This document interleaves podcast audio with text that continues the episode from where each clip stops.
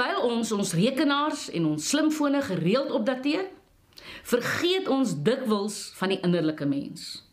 Ons eie stelsel van geloof, waardes en groei het ook opgradering nodig.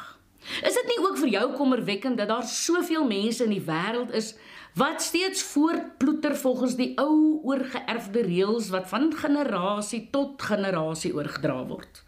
Dit maak nie saak hoe graag ek en jy wil groei en vooruitgaan nie, indien ons nie selfverantwoordelikheid neem en ons horisonne verbreek nie, gaan ons nêrens kom nie. Om vasgevang te voel in omstandighede is sleg. Want dit weerhou jou van jou ware self en ook die potensiële ontwikkeling wat jy kan geniet. Jy moet egter verantwoordelikheid neem vir jou eie geluk. Dit beteken dat jy nie ander kan blameer indien jy ongelukkig is nie. Mense kan jou in elk geval nie gelukkig maak nie, hoor. Geluk lê in jouself. Mense kan jou wel gelukkiger maak. En 'n persoon, ja, 'n persoon wat verantwoordelikheid neem vir haar of sy eie geluk, besef natuurlik bo alles dat geluk oor gesindheid gaan eerder as eksterne faktore. Ek onthou so goed die dag toe my rekenaar 7 jaar gelede opgepak het en ek vir my 'n nuwe rekenaar moes kry. Ja, my assistent het my soort van gedwing om 'n spesifieke rekenaar aan te skaf wat nou later met die nuwe foon wat ek volgens hom ook moes kry, kon sinkroniseer. Wat my lewe baie makliker sou maak. Ek wou dit natuurlik glad nie doen nie. Ek was so gemaklik met dit wat ek ken.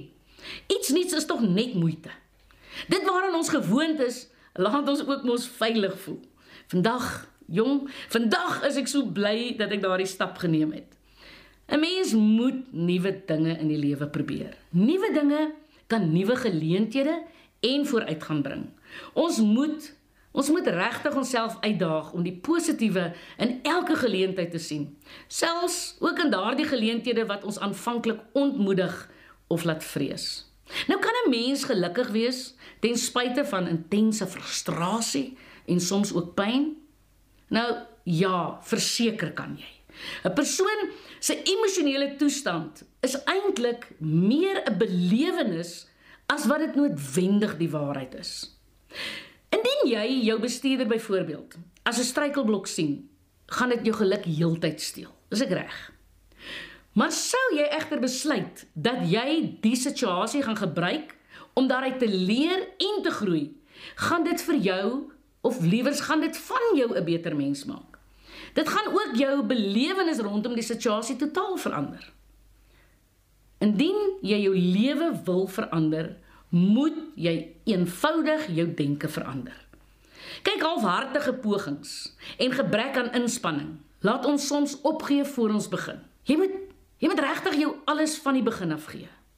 En as jy nou moeg is vir 'n val en 'n opstaan lewe, beveel ek aan dat jy aandag sal gee aan 'n paar dinge in jou lewe. Hardloop jou eie wedloop. Ja, mense skinder Dit is wat sommige mense doen, veral wanneer hulle sien dat ander gelukkig is. Maar man, dit is hulle probleem, dit is nie jou probleem nie. Wees net jouself en stap dapper voort. Jy moet die goeie dinge soek in enige situasie. Ek het al gevind en ek was al dikwels verbaas oor hoe dat ek die mooi gesien het wanneer ek spesifiek daarvoor gesoek het. En jy moet jou dwing om 'n gesindheid van dankbaarheid te ontwikkel. Dit doen wondere vir 'n mens se siege as jy dankbaar is. Leer jou om in die oomblik te leef.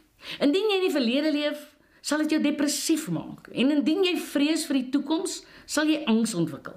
Die enigste plek, maar die enigste plek waar jy ware geluk kan vind, is altyd nou, in die oomblik van nou, want dit is al wat jy het en gebruik dit wys.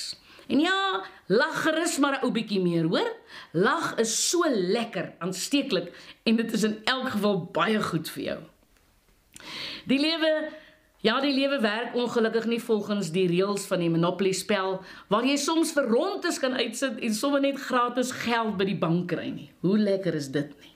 Nee nee, die spel van die lewe se reëls sê jy moet koko. Nou koko beteken jy moet keep on keeping on. Jy kan nie gaan sit of gaan lê nie. Jy moet elke dag opstaan. Al voel jy nie daarna nie. Jy moet jou elke dag mooi maak. Al is dit nie nou vir jou prioriteit nie. En dan moet jy aanhou stap. Soms na 'n onbekende adres. Hou net aan stap. Jy moet jou bes te gee al voel jy nie daarna nie. Kyk 'n motor. 'n Motor wat geparkeer staan, dien geen doel nie. Dit is eers wanneer die wiele rol wat dit doen waarvoor dit gemaak is. Soos dit ook met ons. Ons moet aan die beweeg kom. Nou ek dink jy moet vir jou 'n 90 dae plan uitwerk. Jy moet skryf dit neer wat jy graag wil bereik. Het sy in jou persoonlike lewe of dit nou in jou werksituasie is. Wees spesifiek met jou doelwitte.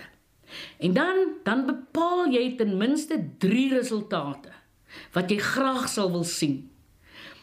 Wat jou opgewonde sal maak omdat dit vir jou nuwe gewoontes sal gee. Kies vir jou kies vir daardie resultate wat die passie in jou wakker maak. Onthou dat entoesiasme, passie en fokus drie vriende is wat saam stap.